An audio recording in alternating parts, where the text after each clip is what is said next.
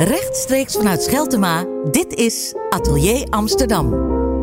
Presentatie Emma-Louise Diest. Ja, in een tijd waarin we ons steeds vaker afvragen waar we vandaan komen, wat onze traditie is, wat is namaak en wat is nog authentiek. Eigenlijk steeds weer op zoek zijn naar een antwoord op de vraag wie we zijn, maar ook wie we kunnen zijn. Sluit de voorstelling De Laatste Dichters van theatergroep Urban Myth naadloos aan op het huidige maatschappelijke debat. Ja, de titel refereert naar de burgerrechtenbeweging uit de jaren 60 in Amerika, waarin drie Afro-Amerikanen ten strijde trokken met de kunst als hun wapen. Ja, vandaag ga ik in gesprek met Kees Geel, acteur die speelde in talloze films, series en televisieprogramma's. Maar nu is hij dus te zien op het toneel. Ja, in de voorstelling De Laatste Dichters. Welkom Kees, leuk dat je er bent. Graag gedaan, vind ik leuk. Ja, want je zit natuurlijk midden in de try-out periode. Een beetje aan het kijken wat werkt en wat niet werkt. Je hebt al een hele, um, heel proces van ja, repetities en jezelf inlezen al. Uh, dat heb je al achter de rug. Ja, dat is heel mild uitgedrukt, ja. Ja, daar, we gaan daarin uh, induiken. Want hoe ben je daaraan begonnen? Want ik neem aan dat je ook wat voorwerk moet doen om te weten... om die tijd je ook een beetje eigen te maken. Ja, nou ja, ik heb het uh, grote voordeel dat ik inmiddels uh, 55 ben. Dus ik uh, ben wel enigszins bekend met het tijdsgevricht. Ik was ook bekend met de Last Poets en ik wist ook wel wat, waar ze voor stonden. En, dus ik vond het wel heel interessant om, om, om, die mannen, die toch een beetje ondergesneeuwd worden in de geschiedenis, om daar een, een, licht op te laten schijnen. Dus, en ik had een gesprek met de regisseur, Jurgen van Fong. En die, die, was daar, die stond er heel open in. En er was ook nog geen rolverdeling. Er was ook hij was er heel erg mee bezig en hij, zou het heel erg leuk vinden als ik uh, daar aan mee zou doen. En uh, die intentie uh, van hem en het idee om daar een stuk over te maken sprak me heel erg aan. Dus daar ben ik mm, voor een gedeelte blind ingestapt, maar wel met heel veel vertrouwen. Waar haalde je dat vertrouwen uit eigenlijk? Uit de openheid van Jurgen, de, de, de oprechtheid en de interesse en, en, vooral ook dat hij iets wil vertellen over die mannen. In plaats van uh, dat je ze van akiet aan in een, in een hoekje stopt of uh, gaat verheerlijken. Of dat je er zo'n enorm verhaal van gaat maken dat je door de boom het bos niet meer ziet. Nee, ik, ik had echt het idee dat hij heel goed wist waar hij mee bezig was. En dat is godzijdank uitgekomen. Ja, want wat, wat was het verhaal wat je zelf in je hoofd had van deze mannen? Uh, het zijn mannen die uh, natuurlijk allemaal zijn opgegroeid in uh, hele slechte buurten in de geschiedenis en in Amerika. En die zich daar omhoog hebben geworsteld door middel van het woord. Hun intellect, en maar ook een net zo grote passie en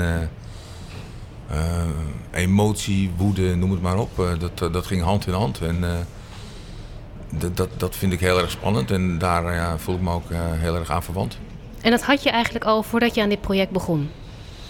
Uh, nou, ik, ik, ik, was bekend met uh, de, de Last Poets. Ik wist wie ze waren, wat, wat, wat, ze hebben gedaan. Maar ik was natuurlijk niet zo bekend met wat, er, wat daar allemaal omheen speelde en hun geschiedenis. Ja. Dus als je dat gaat lezen en je leest dat boek van Christine Otte... Ja, waar het op is gebaseerd, ja, dit stukje. Ja, zeker. De, de, die, die, hele, uh, die hele jeugd van die jongens, daar voel ik me heel erg mee verwant. En anders wel uh, mijn familie.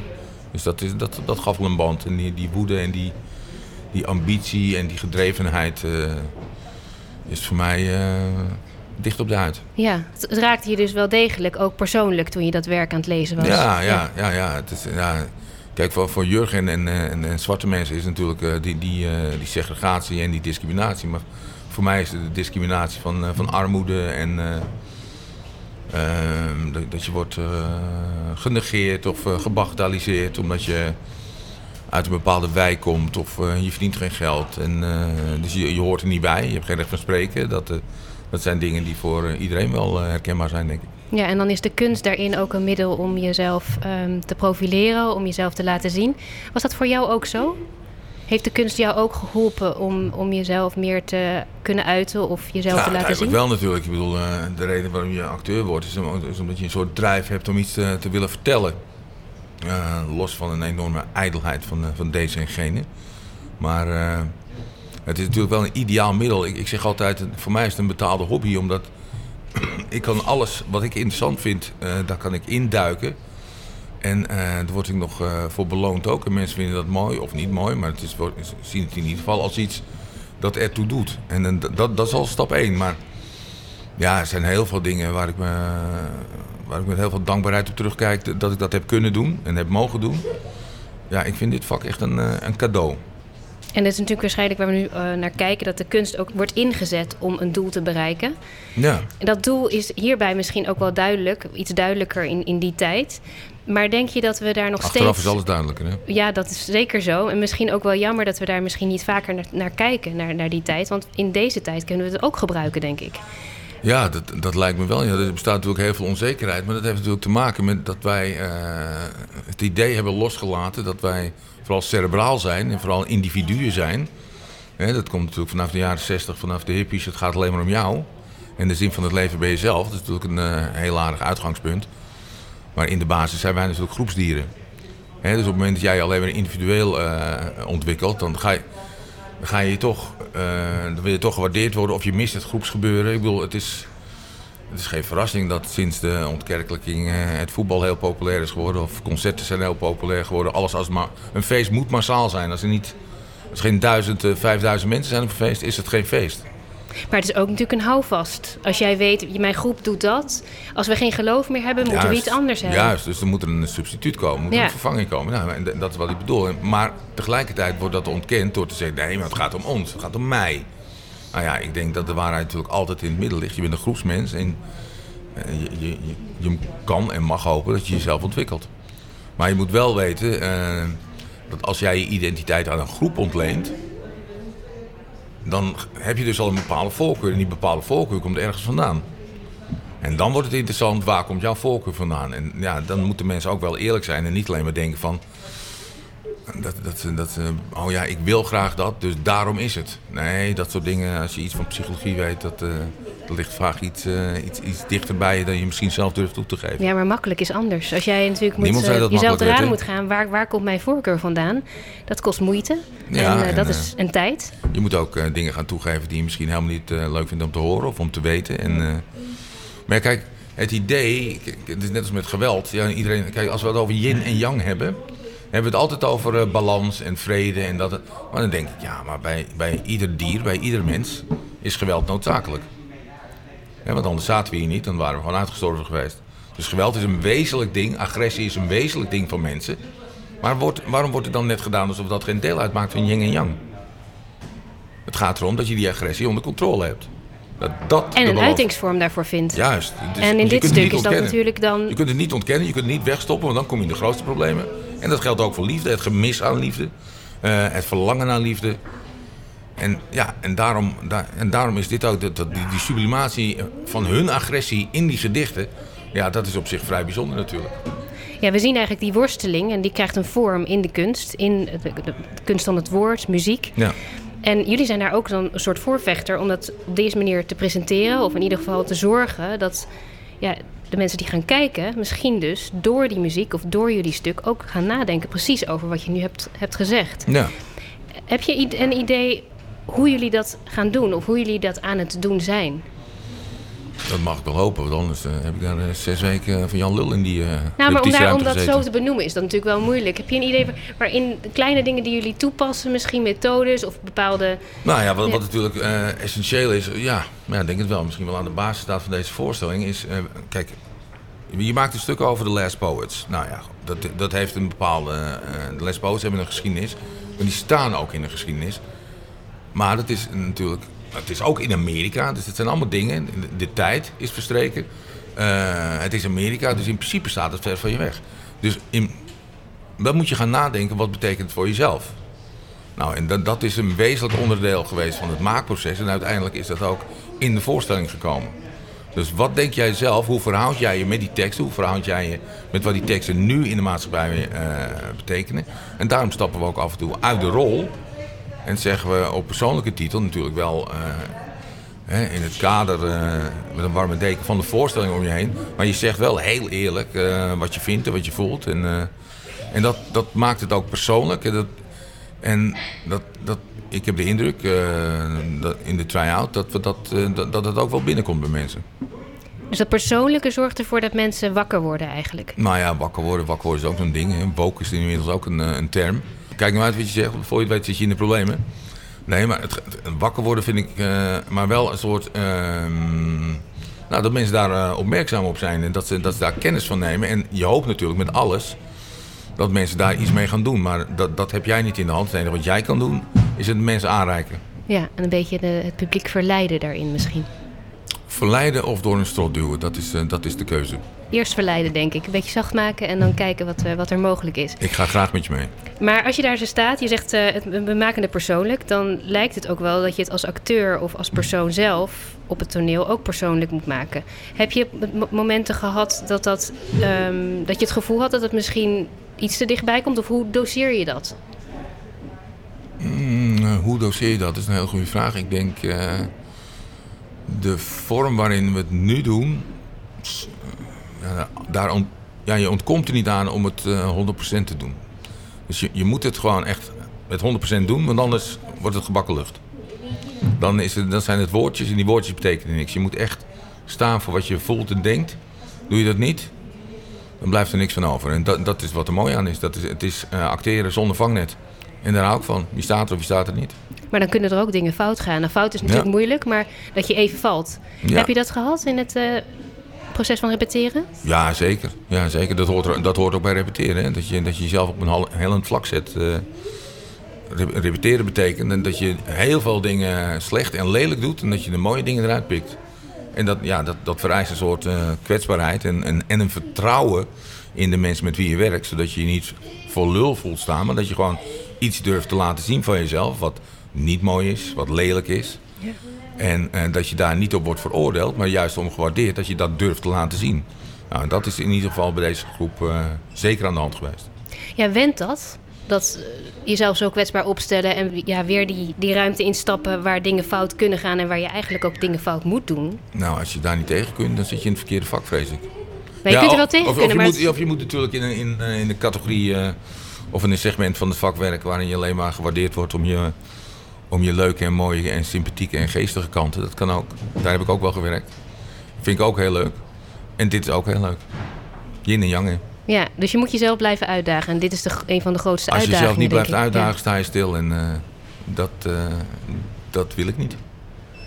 Nee, die beweging is heel belangrijk. Hoe zorg je ervoor dat je zelf in beweging blijft um, als acteur, dus als artiest? Dat je jezelf blijft uitdagen. Want het is wel iets. Soms is het moeilijk om jezelf, om, om die ruimte te creëren voor jezelf, dat het dus eng wordt. Is ook niet vanzelfsprekend. Nou, het gaat ook niet om dat het eng wordt, maar wel dat je, dat je, dat je, dat je, dat je stapjes blijft maken en dat je nieuwe dingen leert van jezelf en uh, over jezelf en over je vak en uh, hoe je daarmee omgaat. Nou, ik zit, ja, ik, ja, ik, kan, ja, ik zit in de gelukkige omstandigheid dat het. Uh, dat het telkens op mijn pad komt en dat ik daaruit kan kiezen. En dat is niet iedereen gegeven. Dus het, het is zeker geen uh, praatje voor de vaart. Het is, het, ja, ik, uh, ik heb geluk daarin, in mijn werk. Ja, en wat voor geluk haal je uit deze voorstelling? Zijn er bepaalde dingen die je nu meeneemt? Het moet natuurlijk beginnen nog met de echte voorstelling. Je hebt de try-outs gehad.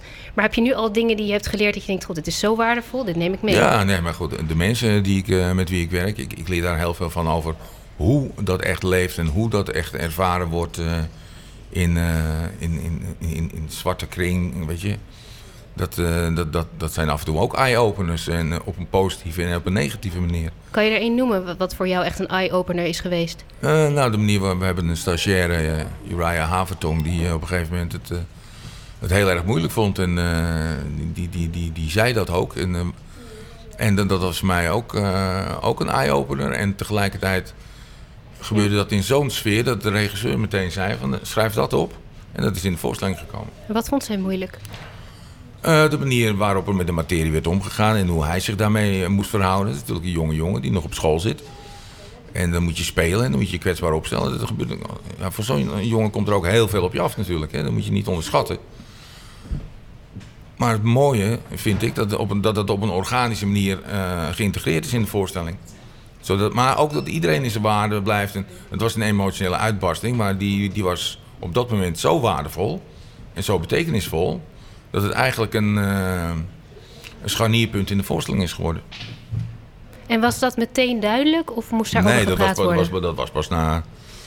Ik geloof het in, was in de derde week van de repetitie of zo. Uh.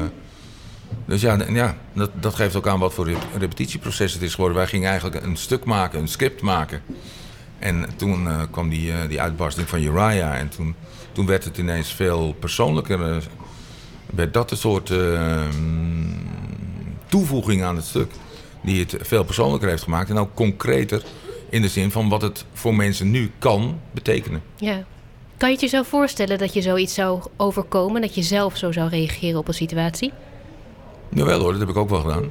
Het is mij helemaal niet vreemd. Daarom vond ik het ook, kon ik dat heel goed begrijpen. Vond ik het ook terecht. En uh, was ik des te blij met de reactie van de regisseur. Want hij is wel iemand die daar heel erg op, op, um, op waakt, zeg maar. Dat als er dingen gebeuren die uitgesproken moeten worden... of een plek verdienen in de voorstelling, dat hij die krijgen. Nou, dit is de eerste keer dat ik met hem werk. Maar het repetitieproces wat ik met hem heb meegemaakt... is dat hij, dat hij wel een grote openheid betracht. En kijk, voor hem was het natuurlijk ook niet gemakkelijk. Je moet je niet onderschatten, of je moet niet onderschatten... dat hij natuurlijk ook artistiek leider is van een, van een, van een, van een jonge groep... En hij is natuurlijk ook uh, in, concurrentie met allerlei andere theatergroepen over, over subsidie en noem het allemaal maar op. Kijk, hij stelt zich ook heel erg kwetsbaar op in die zin. Want ja, misschien vinden de, de, mensen dat wel helemaal niet leuk en is het geen succes. Kijk, je kunt ook uh, lekker Celia maken of weet je, een leuk, sympathiek muzikaal programma. Met, met, een, met, een, met, een, met een boodschap. Maar die boodschap wordt dan verpakt in een in een, in een, uh, in een gebakje of zo. Ja, lekker handzaam, ja. ja. En, en dit, uh, dit is meer een zoute sik die je midden in je gezicht gedrukt krijgt. Misschien ook wel een uitwerking heeft. Wat, als je de zaal uitloopt, en dat heeft een lange uitwerking wellicht. Ja, dat denk ik wel, ja. En dus, maar ja, dat, dat vergt van hem ook een, een, beslissing die niet altijd even makkelijk is. En daarom heb ik daar veel respect voor. Ja. Ja, het stuk heet De Laatste Dichters, The Last Poets. Het was ook een beetje uit die tijd het gevoel van, nou ja, we moeten nu... We zijn de laatste dichters nog. We moeten ons weren tegen de wapens die er aankomen. Heb je dat soms, dat gevoel? Nou, ik vraag, vraag kijk, wij, onze recente geschiedenis is natuurlijk een recente geschiedenis uit de jaren 60 en 70, waarin er heel veel ruimte was voor kunst en heel veel kunst werd gemaakt met heel veel subsidie. En die worden uh, natuurlijk uh, stelselmatig terug, teruggebracht. dus dat idee kun je wel hebben, maar als je dan. Maar ja, als je, als je 100 jaar terugdenkt, dan werd er nog veel minder gemaakt. Je moet niet vergeten dat mensen als Rembrandt, uh, wat natuurlijk een bekende kunstenaar is, en Van Gogh, dat zijn natuurlijk de, de, de vaandeldragers. Ik zal er gewoon een paar mensen vergeten. Maar dat waren ook mensen die gewoon in opdracht werkten. De, de grote Italiaanse kunstenaars werkten ook in opdracht. Dus het is niet zo dat kunst altijd zo hoog in het vaandel stond bij het grote publiek als men misschien denkt. Ik denk zelfs in tegendeel. Een soort golfbeweging. Nou ja, golfbeweging. Ik denk dat het pas sinds de jaren 60, 70 is dat daar zoveel geld aan werd besteed. en dat wij dat nu ineens raar vinden. Maar uh, noem mij eens de gesubsidieerde, gesubsidieerde gezelschappen van, de, van de jaren 50. Ik ken ze niet. Nee, maar het is natuurlijk als we kijken naar de geldstromen en als je ziet dat er weinig geld naar cultuur gaat, dan zegt dat wel iets van hoe wij over cultuur denken. Zeker, zeker. Ik bedoel, ik weet uit eigen ervaring dat, uh, dat hoe je, als acteur weet ik dat uh, in Nederland, weet je, als je in een, uh, in een schouwburg komt, er zijn er schouwburgen, dat, ja, dan is er gewoon helemaal niemand. Dan moet je een euro in een, een apparaat stoppen, dan moet je maar hopen dat je drinkbare koffie krijgt of zo. Terwijl als je eventjes over de grens staat, België, Duitsland, Engeland, dan word je als acteur word je daar met alle egaars ontvangen. Dat is een andere cultuur, dat is een andere traditie. En uh, ja, het is maar de vraag of we dat uh, überhaupt ooit van de grond krijgen hier in Nederland. maar als kunst een, een, een, middel blijkt te zijn om, uh, om iets te bereiken, om de maatschappij beter te maken en je te weren ook tegen de agressie in de, in de maatschappij, als dat, als dat idee ergens een beetje um, tot bloei komt, ja, dan heb je al wel heel veel gewonnen natuurlijk. Tuurlijk, en dat, dat is altijd de moeite waard. En kijk, dingen als architectuur uh, draagt daaraan bij. En natuurlijk, kunst draagt daaraan bij. Maar het vraagt natuurlijk meer dan alleen maar uh, uh, kunst maken. Het vraagt een vrij veel bredere inspanning dan alleen maar een toneelstuk maken. Want daar kunnen in principe veel minder mensen heen dan één aflevering van De Wereld Draait Door of zo. En dat, dat blijft natuurlijk de, rare verhouding. Je moet ook voor waken dat je niet alleen maar voor je eigen parochie preekt. Weet je? Dat vind ik ook heel goed aan de Last Poets. Dat ze niet alleen maar, waren, dat ze alleen maar te klagen over anderen, maar ook hand in eigen boezem staken. En, uh, want dat is belangrijk. Je moet wel geloofwaardig blijven. Je moet niet alleen maar lopen zeuren en klagen over andere mensen. Je moet zelf ook stappen maken. Dus het, aan de ene kant vraagt het uh, uh, energie en attack van jezelf. En het vraagt ook dat je zelf, als je iets wil vertellen aan iemand, dan moet je ook kunnen verplaatsen in het gevoel en de wereld van iemand. Dat je niet eh, alleen maar zegt van ja, zo zit het, want ik vind dat. En als je dat niet snapt, dan ben je gewoon een, eh, een barbaar. Dat is eh, iets te, kort door de bocht. Maar als ik het zo hoor, hebben jullie dat wel degelijk gedaan met de laatste dichters. Jullie We zijn, doen ons best. Jullie geven een heel breed scala aan allerlei kunstvormen. Waar eh, de toeschouwer ehm, ja, zelf een keuze kan maken. En in ieder geval ook misschien daardoor in beweging kan komen om eh, anders over dingen na te gaan denken. En ook wel de kunsten meer te gaan waarderen. Ehm, ik wil je heel erg bedanken voor dit gesprek. En heel veel eh, plezier wensen met deze voorstellingen. Ik eh, heb er veel vertrouwen in. Ik ook. Dankjewel.